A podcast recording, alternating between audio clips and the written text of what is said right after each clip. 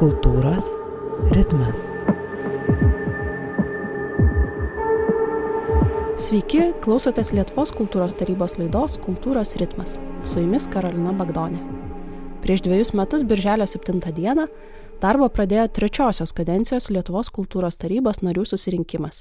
Tai dabar birželis ir galim džiaugtis, nes kartu minim kadencijos vidurį - dviejus metus. Tad gera proga pasikalbėti apie kultūros tarybos nuveiktus darbus, pokyčius ir ateities planus. Tad skubu sveikinti su dabartinė Lietuvos kultūros tarybos pirmininkė Asta Pakarklytė. Labas, Asta. Sveiki. Ir tarybos susirinkimo nariu, teatro kritiku, kultūros apžvalgininku Vaidu Jauniškiu. Sveiki. Sveiki. Tai norėčiau pradėti nuo jūsų pirmųjų įspūdžių.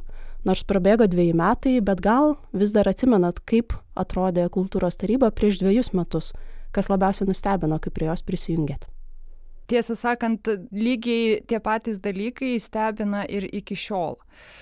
Tai galima būtų sakyti, meno ir teisės santykis kuris, e, kuris kiekvieną dieną persekioja Lietuvos kultūros tarybai. Ir aš ne visai tinkamai įsivaizdavau, ką veikia Lietuvos kultūros taryba ir dabar aš matau, kad daugybė mūsų projektų vykdytojų, stipendininkų ar e, pareiškėjų irgi e, ne visai galbūt tiksliai įsivaizduoja, ką veikia Lietuvos kultūros taryba. Ir tai tiesą sakant dažnai atsiskleidžia ir per darbuotojų atrankas, nes jie e, labai dažnai sako, kad mes norim dirbti su menu ka, ka, kažką daryti su meno procesais, e, dirbti kartu su bendruomenė, e, kartais net yra įsivaizduojama, kad yra kažkokio net sąlyčio su konkrečiais renginiais, tai viso to nėra.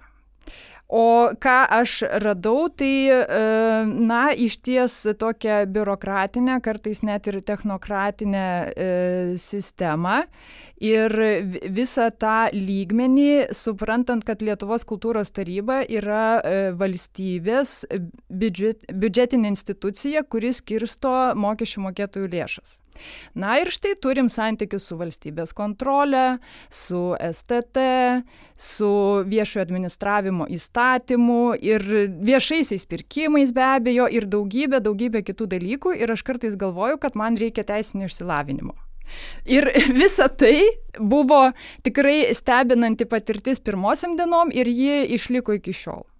Vaidojo jums, nes sugrįžotgi po pertraukos, buvot pirmoji kadencija ir dabar esate trečioji.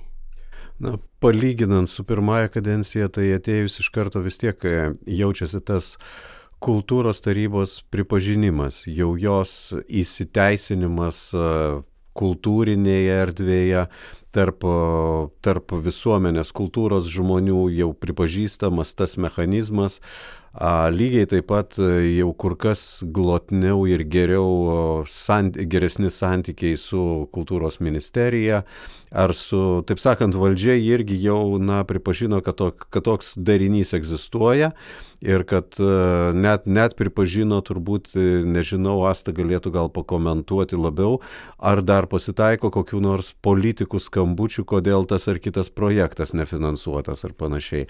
Bet e, jau, jau ta sistema kažkaip tai veikia. Tai, tai vienas toks pozityvus aspektas, o kitas buvo lygiai toks pat, tik tai netaip akivaizdžiai matomas kaip po kaip jum dirbant iš vidaus reiškia, kaip pastai.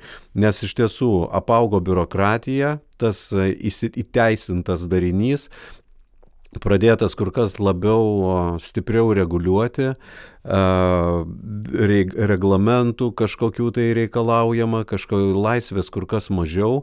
Ir tam tikri dalykai, va iš tiesų, kai Asta minė tokias institucijas kaip STT, tai vadinasi, yra jau tas principas, kad reiškia ne tiek pasitikėjimo, kiek tikrinimo, antikorupcinių, galbūt galimai, kaip dabar populiaru sakyti, galimai anti, kažkokių korupciniais sumetimais atliekamų veiksmų ir taip toliau ir taip toliau. Žodžiu, šitas dalykas jau tapo tokia valstybės įmonė, kurią kuri tikrinama, nes antra vertus vėlgi tai yra ir dėl to, kad jinai gerai, manau, kad pakankamai gerai matoma. Tada norisi pasikalbėti iš karto apie nuveiktus darbus, nes vis tiek dviejų metai kadencijos, tai galit kažkuo pasidžiaugti.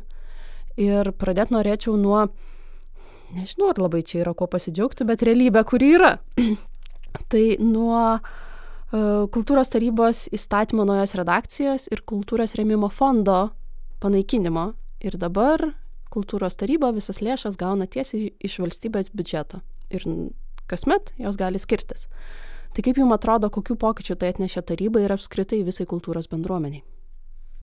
Mes galėjom tiesiog atskirą tinklalaidę daryti šitą temą, bet, na, pabandykim trumpai e, atsakyti. Tai visų pirma, e, šį klausimą būtų tikslingiausia užduoti jau aukštesnio lygio institucijom, nes kalbam apie įstatymus. Tai, kaip žinia, Lietuvos kultūros taryba tikrai tų įstatymų nei leidžia, nei juos formuoja, nei tvirtina, bet taip taryba yra kviečiama dalyvauti, prisidėti, išsakyti pozicijas. Ir vėlgi tai nėra vien tik tai trečiosios kadencijos e, tarybos narių susirinkimo e, laukas, bet jau ir antrosios. Nes e, visos šitos permainos prasidėjo po Konstitucinio teismo nutarimo, kuris įvyko 20 metų pabaigoje. Tai kitaip tariant, čia dar nėra mūsų kadencija.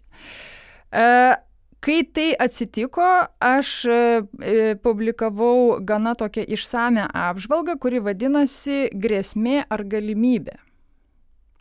Ir aš dar nežinau kaip visa tai išsirutulios tokioj ilgalaikėj perspektyvoj. Na kas yra ilgalaikė? Ten dvidešim penkiasdešim ane? Tai jau čia galbūt yra tokia ilgalaikė.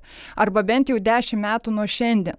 Bet šiuo metu tai yra grėsmė. E, pavyzdžiui, aš kaip tik prieš šitą e, tinklalaidę susiskaičiavau, koks būtų Lietuvos kultūros tarybos biudžetas, kitaip tariant, ne, ne Lietuvos kultūros tarybos, o kultūros rėmimo fondo, kurio nebėra, jeigu viskas būtų likę taip, kaip buvę. Tai jisai būtų 26 milijonai. E, ko, kokį dabar mes turime biudžetą, tai yra 22,5 milijono. Na, tikslinti reikėtų, bet apie, apie tiek. Na, tai kiek čia? Nežinau, 14-15 procentų skirtumas. E, dar e, dar ne raudonas lemputės, bet o jeigu po trijų metų atotrukis bus dar kažkoks ryškesnis, tai va štai mes turim tokią kol kas grėsmingą situaciją. Bet kaip ir minėjau, e, galimybės didėti biudžetui tikrai yra, bet ar taip nutiks? Aš nežinau, kas gali atsakyti šitą klausimą ateities valdžia kokia jinai bus, kas žino, nežinau. Ir e, man buvo labai labai įdomu sužinoti, aš tą sužinojau gegužės pradžioje, kai sutikau Latvijos kultūros fondo vadovę, kad Latvija atgal išsikovojo šitą principą. E, nes, kaip žinia, Lietuva, Latvija ir Estija e, gyveno pagal lygiai tokį patį principą e, - procentinius atskaitimus nuo alkoholio, tabako, azartinių lošimų ir loterijų mokesčių. Ir Latvijai pirmieji sugalvojo, jų premjeras, man atrodo, gal 2008 ar, ar, ar net anksčiau, sugalvojo, kad tai yra netinkama, valdžia yra ribojama laisvai spręsti dėl biudžeto, tai yra nuodėmė mokami mokesčiai. Tiesą sakant, lygiai ta pati retorika, kuri buvo naudojama tuo metu e, Karbauskio ir Skvernelio, kai jie e, ėmėsi iš tai šitų pokyčių. Ir, nu ką, ir Latvija pirmieji panaikino, tada įvyko krizė biudžetas buvo nukirptas visiškai, visiškai radikaliai ir tada jie dešimt metų nusekliai siekia atstatyti šitą principą. Tai Latvijai e, tą principą naikino Seimo ligmenį, mes konstitucinio teismo ligmenį. Tai ką mums daryti?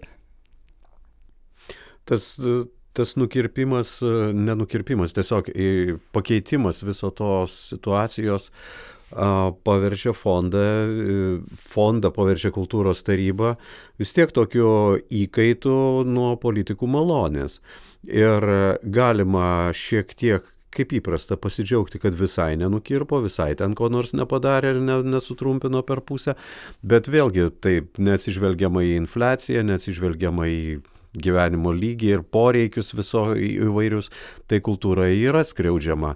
Ir kartu su tuo tiesiog turbūt ką, ką mums daryti, tai yra spėlioti, ateitį nuspėti, tai yra pakankamai sudėtingi dalykai ir tas ne, netvarumo būklė tokia jinai yra Na, tiesiog požiūris eilinį kartą į kultūrą, vėl tam tikros manipulacijos kultūros lauko, lūkesčiais ir, ir neva kultūringo skaidrių finansavimu, jis netrodo šiaip tiesiog toks pakankamai veidmainiškas. Bet mes kalbam apie grėsmes, o tai jeigu, pažiūrėjau, apie galimybės, tai galbūt būdas yra atsisukti į verslo ir meno kažkokį bendradarbiavimą, į nekilnojamo turto investicijas, į meno investicijas, kaip daro kitos kultūros tarybos. Na, Kodėl mums nepavyksta to? Ar Kultūra, kodėl nepradėjom to? Man atrodo, kad kultūros ministerija šiais metais atsisakė finansuoti, atsisakė nu, nominuoti, kas yra nacionaliniai mecenatai, nes tokių neatsirado tiesiog tai mecenatystės jau tas ir įstatymas, ir, ir tas visas sistema mecenatystės, jinai akivaizdžiai nepasiteisina. E, jau mecenatai tampa jau mažesnio lygmens negu kad e, milijoną paukoja ar panašiai. Tai šitoj situacijoje turbūt viena vertus pakankamai sunku, aš manau, mes neturim vis tiek tos mecenatystės tradicijų, o kita vertus e, turbūt Asta gal geriau pasakys apie kultūros tarybos e, darbuotojų skaičių ir kiek darbuotojų reikia dar, kurie galėtų tada pasirūpinti kultūros tarybos ir apskritai kultūros įstaigų lobizmu, ėjimu pas verslininkus ir taip toliau, nes tai, tai didelis darbas aš čia prieš atsakant tau sustosiu dėl to lobizmo ir darbo. Klausimas iš karto kyla ar tai yra kultūros tarybos tikslas ir ar jos darbo dalis. Galbūt kultūros bendruomenės kultūros taryba irgi yra kultūros bendruomenė turėtų pati pavyzdžiui užsimti lobizmu eiti protestuoti ieškoti kelių na, kultūros bendruomenė nėra toksai darinys, kuris yra tiesiog įvardinė vieną žmogų ir tai yra kultūros bendruomenė. Jis yra labai įvairi ir, ir tų lyderių iš kiekvienos turbūt ar srities, ar kažkokios tai tam tikro būrio galima būtų atrasti, bet uh, jie nėra pakankamai turbūt uh, stiprus, kaip apskritai Lietuvos visuomenė yra visiškai silpna protestų požiūriu. Turiu galvoj protestus ne prieš, ne prieš kažką tai, bet už ką nors. Tiesiog protestai, jo labiau, kad dabar jie pakankamai yra tokie a, kaip ir moraliai nešvarus tarsi atrodo po keleto protestų prie Seimo, tai jau kiti tarsi negali išeiti pasižiūrėti. Taip sakant, mūsų visuomenė yra protestam nenusiteikusi labai stipriai. Aš dar tada atsuksiu atgal mm. mūsų visą temą. E, tai reikia būtinai paminėti, kad e, mecenatistės įstatymas e, yra atnaujintas ir ten įvesta bendruomenės mecenato kategorija, kitaip tariant, sumos jau skaidosi į kelis lygmenis, bet tų kategorijų gali būti iš tiesų kiek tik nori, ne apie tai kalbam. Tarkim, Vatvaidas labai gerai paminėjo darbuotojų kiekis. Aš esu bendravusi su E, Amerikos e, buvusio muzikos informacijos centro, kuris tapo naujosios muzikos agentūra vadovu. E, kaip žinia, Amerikoje finansavimo sistema yra visiškai kitokia ir jie labai labai daug dirba su vadinamaisiais mecenatais. Ir jie vieną trečdalį savo personalo dedikuoja tik šiam klausimui. Tai gerai, taryboje dirba e, apie 30 žmonių, vadinasi 10 žmonių užsima tik tai mecenatų paieška. Na, galima būtų daryti tokį variantą, bet e, procesai sulėtėtų, nu, vad būtent trečdaliu ir sulėtėtų, e, visko įvyktų trečdaliu mažiau. Na, aš kol kas sunkiai, sunkiai įsivaizduoju, tiesą sakant. Ir aš nesu iki galo tikra, ar mūsų bendruomenė net ne bendruomenė, jau visuomenė, ta plačiaja prasme, yra va tokia išpurianta, kaip tarkim Amerikos bendruomenė, ja. kur tradicijos yra, na, Amerika, na vis... Amerika susikūrė Būtent. iš savi, savitarpio pagalbos. Jau pati jos pra, šios šalies pradžia yra tokia. Pas mus visiškai kita. Būtent ir kitos menų tarybos, kurios yra iš, iš senųjų demokratijų valstybių, nes na, mūsų ta e, nepertraukiama demokratijos tradicija, jinai yra dar labai jauna. E, tai iš senųjų demokratijų valstybių tarybom palikimu yra tiesiog paliekamas kažkoks turtas, finansai. Jūs įsivaizduojat pat štai tokį lygį? Aš tai ne. Ne, bažny, dar... ne bažnyčio, o tarybai. E, nu, pavyzdžiui, pavyzdžiui, tai tuose šalyse, kas yra to šalis? Kanada, e, Anglija, juose yra įprasta. Ir jie nuolat vadgano testamentu palikto turto, kurį valdo, tam yra atskiri žmonės. Ir ne šiaip ten tas turtas trūnyjas yra įveiklinamas, jisai e, duoda gražą, generuoja procentų, žodžiu, jie dirba šitą linkmę. Nes yra, ko atsiprašau, yra kolekcijos Anglijos tai, kultūros tarybos, taip. kur gali įskolinti tam tikrus daiktus tiesiog į parodas ir panašiai ir užsidirbti savotiškai. Tai čia, e, sakyčiau, Lietuvos kultūros taryba e, 2123. Nu gerai, 2050.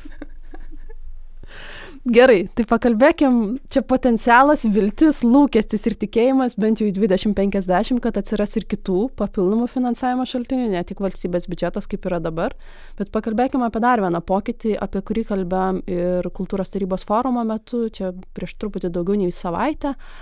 Tai yra apie konsoliduotas meno sritis. Jums irgi pradėjus kadencijai pusėjus kelios sritys buvo konsoliduotos ir sujungtos. Tai yra, pavyzdžiui, dailės fotografijos tarpdisciplininė meno buvo sujungtos į vizualiuosius menus, tada architektūra ir dizainas tapo taikomųjų menų sritim, o teatras, šokis ir cirkas scenos menais.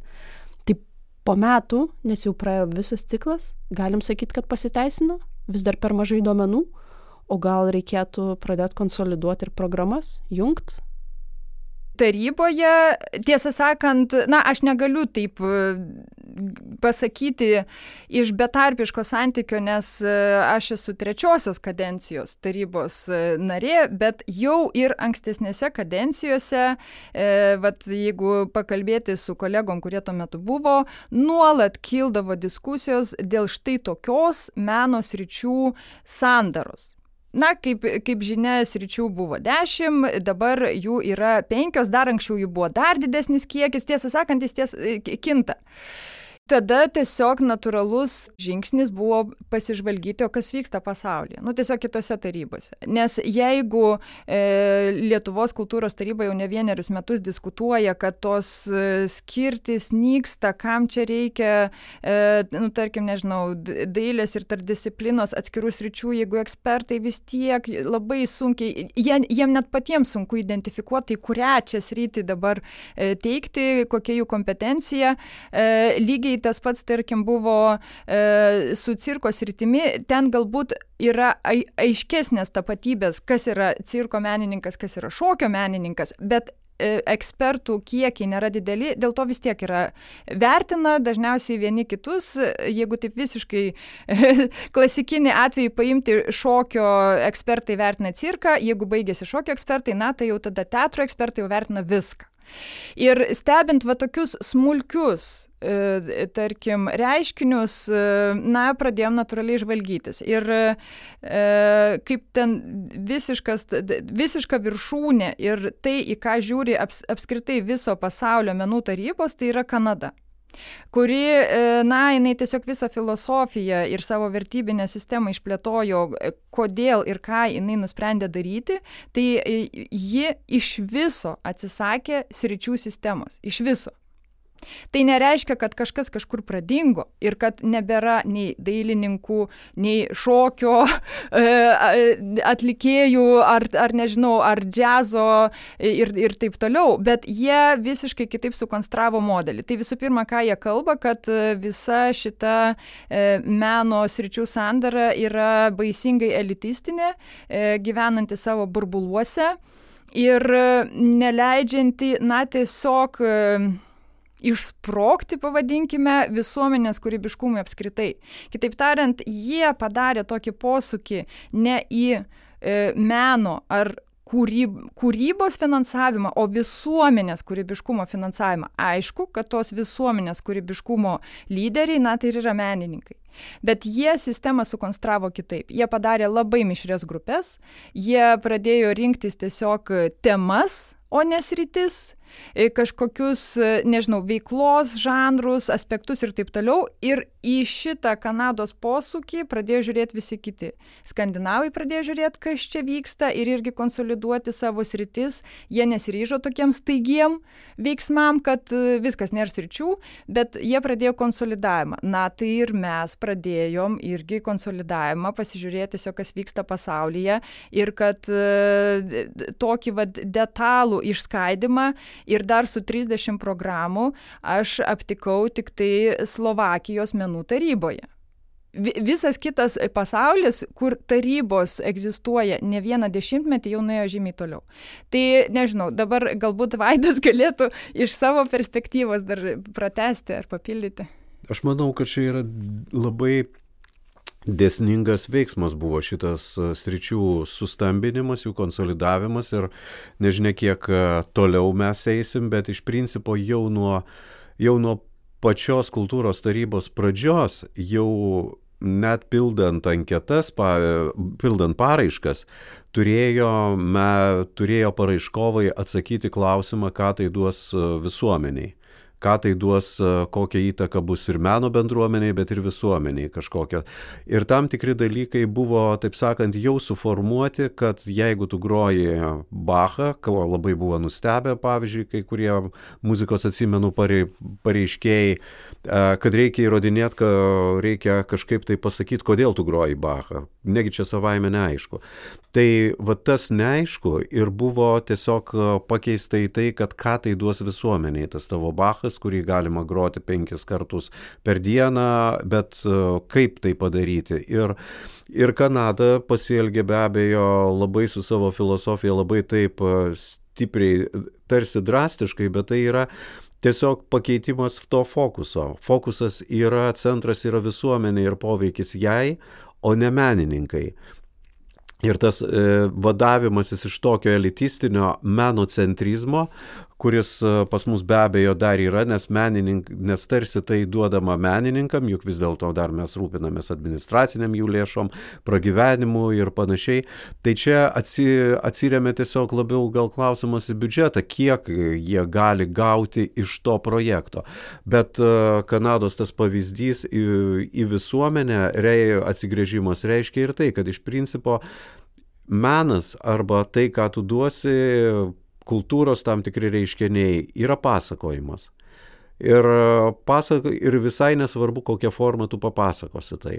Ar abstrakčių dailės kūrinių pagalba, ar teatro, ar bendruomenės susirinkimo, tu tiesiog nori kažką pasakyti ir tu nori kažką tai padaryti kartu su tuo savo uh, renginiu, kažko pakviesti visuomenę ir kažką jai pasakyti, nes menas vis tiek sukurtas tam, kad tu, taip sakant, keistum. Tai yra socialinis veiksnys iš esmės. Ir Kanada vat, visą tai daro ir mūsų šitas pakeitimas nedidelis jisai yra saliginai bet uh, jis ir atrodė, mes pakankamai svarstėm ir su tokia baime šiek tiek, kaip sureaguos.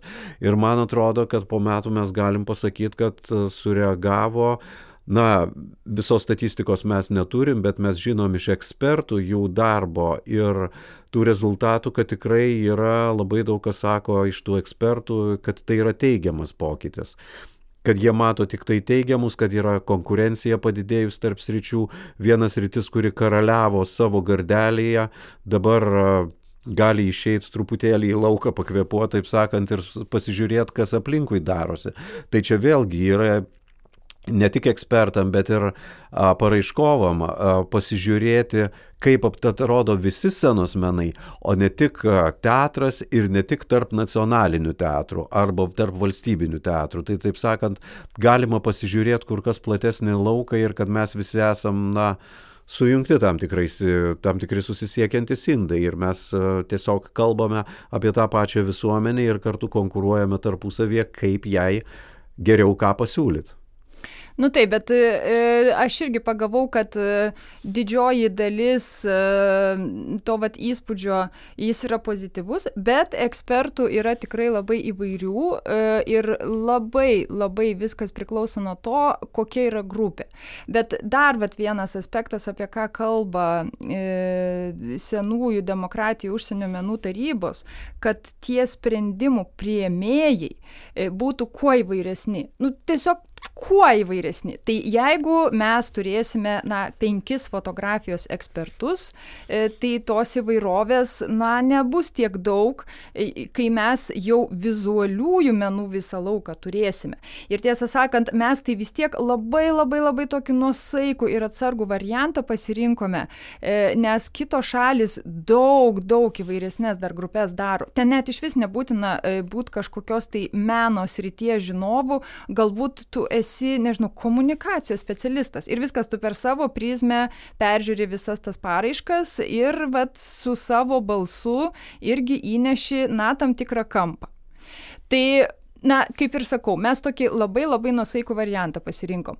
Bet, e, tarkim, mes e, dar susipažinom su Norvegijos modeliu, nes Norvegijos menų taryba irgi labai aktyviai stebėjo, ką čia daro Kanada. Ir dabar šiaip iš tiesų visos menų tarybos žiūri į Kanadą ir galvo, na, na, na, tai kaip ten pas juos viskas bus. E, keičiasi po truputį, į tokius radikalius sumanimus dar tikrai nesileidžia, bet, pavyzdžiui, Norvegai Lietuviai irgi e, sukonsolidavo gana stambiai savo sritis, bet jie kitą pjūvį dar pasirinko e, per veiklas. Galbūt e, trečios kadencijos tarybos narių susirinkimas spės padaryti irgi šitą pjūvį. E, jeigu ne, na, tai liks jau ketvirtosios kadencijos tarybos narių susirinkimui ir tada ne per sritį ir per jo siaurumą visą tai daryti, o per veiklos rūšį. Na, nežinau, ten muzikoje būtų ten įrašai ir koncertai, ten literatūrai būtų, tarkim, originalioji ir verstinė. Na, kiekvienas rytis ten turėtų e, savo kažkokią specifiką. Tu pradėjai kalbėti apie ateitį, tai pakalbėkime apie kelius dalykus, kurie tikrai pasikeis jau dabar.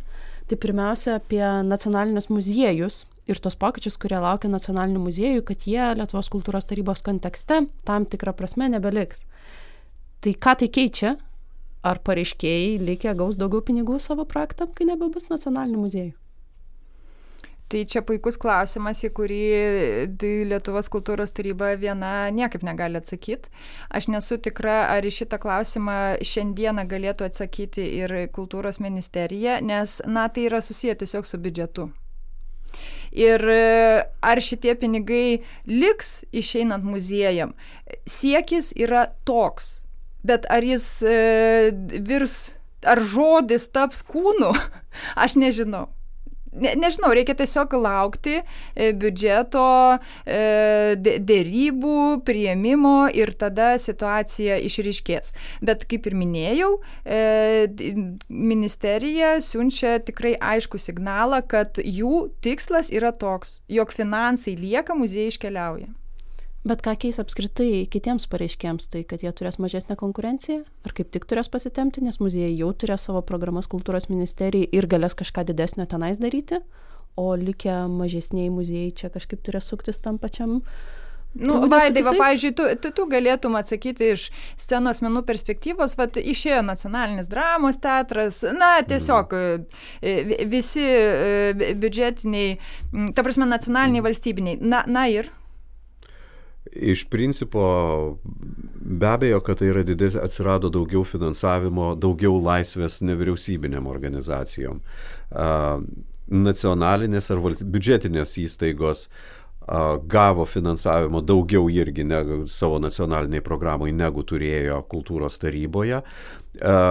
Ir čia vis tiek yra, na, kur kas tolygesnis galbūt tolygesnės žaidimo taisyklės. Nes tiesiog žaidimo taisyklės yra neadekvačios ne, ne visiškai dabartiniu metu, kalbant apie nacionalinės įstaigas, muziejus, kurie turi tiek ir tiek e, darbuotojų yra tas pats lygiai tas pats, kas yra, su kuo susidurėm, sakykime, regioninėse kultūros tarybose, kur e, yra tiesiog kultūros centrai turi darbuotojus, kurie gali rašyti projektus ir, ir daugiau nieko neužsiimti, sakykime. O nevyriausybinės e, trys darbuotojai turi daryti viską absoliučiai. Tai čia šiuo atveju lygiai taip pat muziejai, jų projektai be abejo buvo patys geriausi, nes e, tiesiog yra pajėgos, yra ir yra mąstymas tiesiog tada jeigu tu turi tokį solidų finansavimą tai tu mąstai truputėlį daugiau negu už savo, kie, savo kiemo, reiškia, ribose ar ten e, visiškai bendruomeninėse. Tai e, šiuo požiūriu aš manau, kad tai bus tikrai tolygesnės e, garbingesnės žaidimo taisyklės ir patys teatrai, sakykime, kai nevyriausybiniai, na, jie tikrai aktyvesni tapo ir konkurencingesni, turbūt irgi, sakyčiau, konkurencijos tai nesumažėja, nes vis tiek nepakanka visiems pinigų. Bet, bet tiesiog ta konkurencija tapo kur kas, gal sakyčiau, įdomesnė, pradėjo kur kas įdomesnių kažkokių tai iniciatyvų imtis, juo labiau, kad nacionalinės įstaigos vis dar neužpildo tokio dalyko kaip išvažiavimo į regionus šitos nišos ar panašiai, tai, tai to įmasi nevyriausybinės ir panašiai. Tai aš išvelgiu čia tik tai pozityvius dalykus, kurie turėtų būti ir tikėsimės, tik, lauksim, tikėsimės, kad taip ir bus. Liko dar dviejį kadencijos metai. Tai ką norėtumėt dar įgyvendinti arba kokius turit lūkesčius, nuo ko reikėtų pradėti tuos dviejus kadencijos metus? E, na, taryba yra mm, toks įdomus e, organizmas. Ir čia iš tikrųjų priklauso e, nuo to, kokį procesą paimsi. Tarkime, pagrindinius finansavimo principus E, lėšas tarp programų, e, pačias programas, e, jų kriterijus apibrėžia gairės. Tai, na ką, gairės yra tvirtinamos, tiksliau, jų nauja redakcija yra prima, priimama e, iš esmės vieną kartą per metus. Na, tai taryba, vadinasi, turiu minėjau, tarybos narių susirinkimas turi keturis E, keturis bandymus, keturis tokius ciklus. E, pirmas ciklas e, yra tiesiog susivokti, kas čia apskritai vyksta. Va, pažiūrėjau, tavaidai atsimeni mūsų pirmą ciklą ir gairių tvirtinimą. Nes mes tik pradėjom savo darbą mhm. ir, ir ten aš jau atsimenu tą savaitę, man jau rodė, kaip čia tos gairės bus. Na, puiku, mhm. bet iš esmės, nu ką tu gali pasakyti tais pirmais metais. Tai realiai tada trys ciklai lieka. Trys ciklai. E, vienas ką tik įvyko, lieka dar du. E, tai nežinau, tai kaip čia vat vertinti, čia, čia daug liko ciklų, ar mažai, ką mes čia galim spėti ir taip toliau. Ir paskutinis dar į ateitį, tiksliai. Tai čia mes... jau užminuoja ateinančiai, taip, taip, ateinančiai taip, tarybai ir, ir paliekia jau, kad jinai tada spręstų. E, tai nežinau, aš tai tikrai e, norėčiau, kad mes dar toliau pabandytumėm padėlioti būtent tą meno sričių modelį tačiau yra bet, bet, bet. E, kodėl, tarkim, Norvegijos menų taryba pasidarė, na, pavadinkim tokią koordinačių ašį, kad va štai yra penkios gana didelės konsoliduotos rytis, bet taip pat šalia yra, na, vos ne penkios skirtingos veiklos. Vadinasi, tu turi nebe penkis konkursus, o tu turi e, penkis kar penkis, tai 25 konkursus. Ar mes galim tą daryti dabartinėmis sąlygomis? Sunkiai, nes e, Norvegijos menų taryba turi e, dar prie viso to penkias programas, mes dar pernai turėjom 30 programų ir paprogramių. Tai yra labai daug, tai yra tink, tinklelis yra tikrai labai labai didelis. E, kai mes dar toliau sumažinsime programų kiekį, mes tada galėsime balansuoti sritis. Kada tai vyks, nežinau. Kitaip tariant, šitas pokytis, jisai liečia ne tik meno sritis, jisai susijęs apskritai su Lietuvos kultūros tarybos, na, visų modelių ir visom kitom programom. Ar, pažiūrėjau, kultūros ministerija mums turės dar naujų užduočių, dar naujų programų? Na, nežinau, Ga, galbūt netmetu galimybės, o jeigu neturės, tai tada galėtumėm žengti vat, visai kitą, nu, kitų kelių. Bet šitas, šitas programų, vat, būtent tas suskaidimas, tai tokio, toks, kurį ten 30 programų turim, tai jis yra toksai paveldinis, kuris yra susijęs ne su kultūros taryba, o su kultūros visuomenė, kuri ir, ir su sa, kultūros visuomenės santykiai su kultūros ministerija. Kas nueidavo ir pramuždavo tam tikrą takelį, išmindavo į savo, tiesiog į savo gardelį, kad e, būtų finansuojamas va tokios ir tokios smulkios programos, kuriuose mes nebūsime konkurentai, ta, ta prasme nesus, nesutiksime daug konkurencijos, o išsirūpinsime savo ir dar trim kokiam organizacijom. Nu, jų po to padaugėja šiek tiek, bet tas vad gardelio ir takelio išminimas ir išsimušimas savo personalinės asmeninės kišenės kažkokios, tai yra tas paveldas, kuris a, tiesiog yra nesažiningas ir žiauriai slegia tiesiog. Ir, ir šitoj vietoj Reikia pasakyti, kad kultūros taryba nėra jokia kultūros formuotoja, jinai vykdo tiesiog paklusniai ministerijos, ministerijos tvarką, kuri susiformavo nuo amžių, amžinųjų kažkada, 30 metų ar, ar mažiau, vis tiek ten visą tai vyksta kažkokios tai kaitos, bet, bet jinai nieko iš principo labai padaryti negali ir, ir netgi tos gairės, kurias galbūt galėtum normaliai tas gairias permastyti po pusmečio ir pasakyti, kad va šitas dalykas neveikia. Bet ne, kol tu pamatai visą tai, tai čia jau pusantrų metų reikalas visą tai pakeisti kažką. Tai šitoj vietoj tiesiog yra tam tikri tam tikra didžiulė inercija ir santykis net turbūt nepriklausantis, spėju, kad nepriklausantis nuo konkretaus kultūros ministro, o greičiau nuo antrojo šalono kultūros ministerijoje. Nu taip, bet situacija tikrai kinta. Aišku, aš negaliu pakomentuoti, kaip ten, tarkim, sekėsi dirbti e, pirmąjį kadencijai. E, tiesiog, e, na, iš pasakojimų supratau, kad labai sunkiai. Tai e, dabar aš negaliu teikti, kad mums sekasi labai sunkiai. Vis tiek vyksta diskusijos ir nėra taip, kad jau visiškai paklusni viskas. E, jeigu yra pateikiami argumentai, įrodymai, faktai, apklausų duomenys, na, tai tiesiog nebėra ką ir sakyti. Ir tada mūsų siūlymai yra kaip ir tvirtinami. Bet taip, visa procedūra ji liko tokia pati. Suderint, suderint, suderint, suderint, suderinti. Ir iš tiesų, na, e, mes esam su e, kultūros ministerija, na, nežinau, per virkštelę kaip ir susijęti. Ir, ir niekaip jinai nenusikerpa.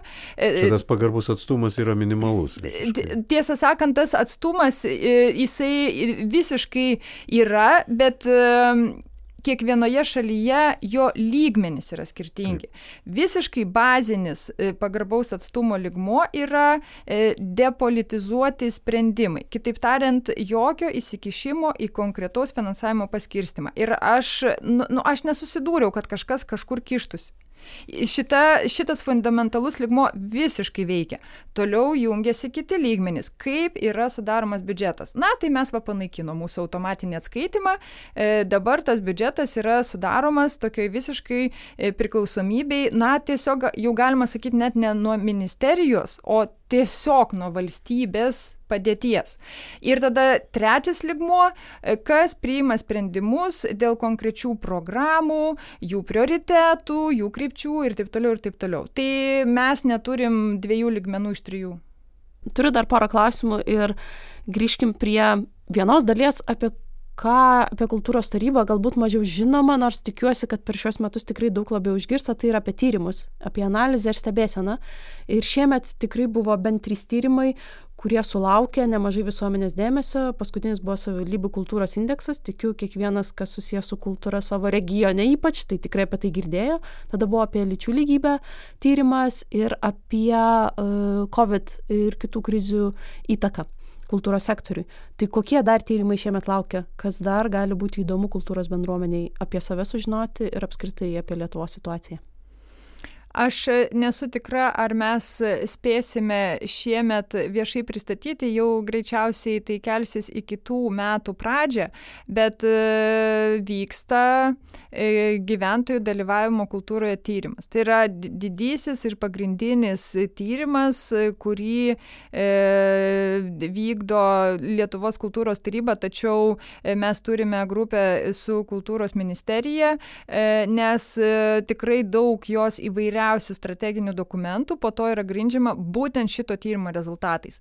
Nes nėra jokio kito tyrimo Lietuvoje, e, bent jau kol kas e, nėra, kuris matuotų gyventojų įsitraukimą, kūrybiškumą, dažnį įsitraukimo, e, pasitenkinimą, na, tiesiog daugybė aspektų. Tai e, pasiruošimo darbai yra tikrai e, aktyvūs, dideli, ilgi, pačios apklausos prasidės, na, tikiuosi šią vasarą, tai ir tai vat yra didysis tyrimas. O toliau e, iš tiesų labai yra svarbu nepamesti pradėtų tyrimų, grįžti prie jų, e, pasitikrinti, o tai koks pokytis įvyko. Tai netolimoji ateityje, netolimoji, tai turiu omeny šiais kitais metais, o ne 2050, e, mes turėtumėm vėlgi kartoti menininkų socialinės ir, ir ekonominės būklės tyrimą. E, ir labai, kaip ir sakiau, svarbu jį kartoti ir pasižiūrėti, ar mes pajudėjom kur nors, ar viskas yra lygiai taip pat, e, kaip infliacija visą tai veikia. E, ir, na, tas pats savivaldybių kultūros indeksas. Labai svarbu jį kartoti ir pasižiūrėti būtent tą pokyčio lygmenį, ar kažkas kažkur kinta, ar, na, nežinau, tarkim, labai būtų įdomu jau po net penkių metų distanciją pasižiūrėti ir pamatyti, ar iš vis pozicijos savivaldybių keičiasi, kas nors vyksta, ar kaip vat jau sudarė e, taryba 22 metais indeksą, tai vat po dešimties metų vėl kažkas padarytų ir pamatytų, kad o, visi tose pačiose maždaug pozicijose. Bet ar labai svarbu ir tuos tyrimus pa pasižiūrėti ir koreguoti kažkokius, nes pavyzdžiui, savivaldybių indeksas tai e, iškėlė labai daug klaustukų, ne tik tų žmonių, kurie, sakykime, pamatė savo savivaldybę ne aukštumoje, bet net ir tų, kurios yra aukščiausios, nes kaip, kaip, kaip neringos savivaldybė indeksą pasižiūri ir, ir atrodo, kad ten kultūra kiekvieną dieną tiesiog tave ištinka ties kiekvieną kopą. Tai šitoje vietoje tiesiog ir koregavimas, ir žiūrėjimas, ir kartu aišku, kad aiškinimas ir tai pačiai savivaldybėm, kad ne, galbūt jūs esate apačioj ar truputėlį žemiau, bet pasižiūrėkit savo atskirus parametrus ir pasižiūrėkim, kaip, kokie santykiai yra. Ir jeigu jūs neturite savo savivaldybei daug kultūros paveldo, tai nėra tragiška, žiūrėkim, jūs, kuo jūs stiprus esat ir panašiai.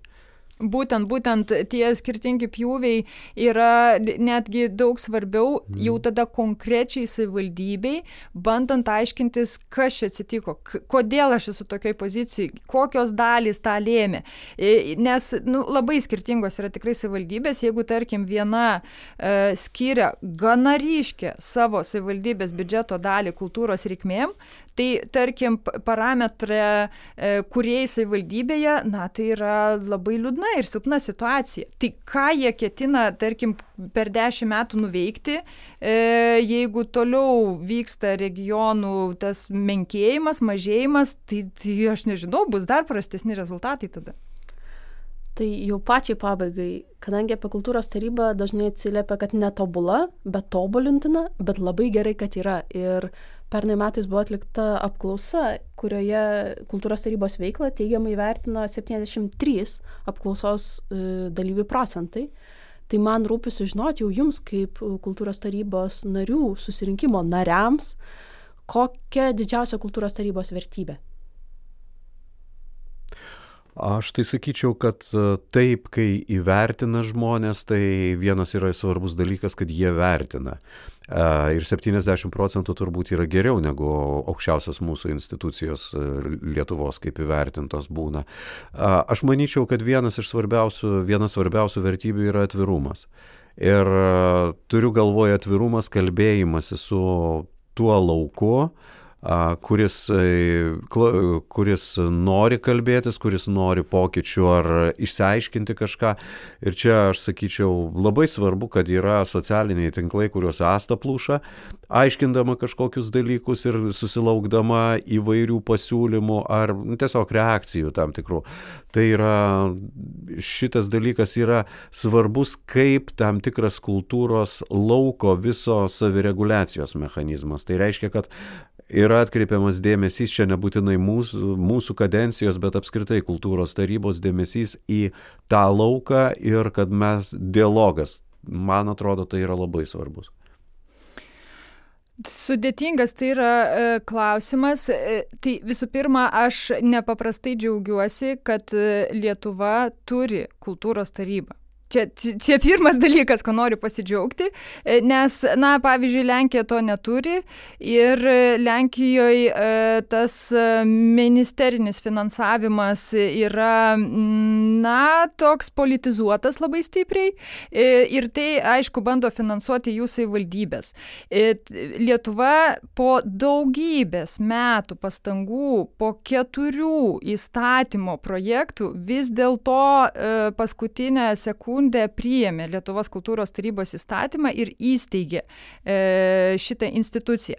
Tai jos iš, iš ties didžiausia vertė yra tai, kad kultūros bendruomenė pati priima sprendimus. Ir visa tai kaip ir e, nėra akivaizdu ir kai aš pasakau, kad, na, va štai tokia yra didžiausia vertybė, sako, ne, nesąmonė, mes to nejaučiam.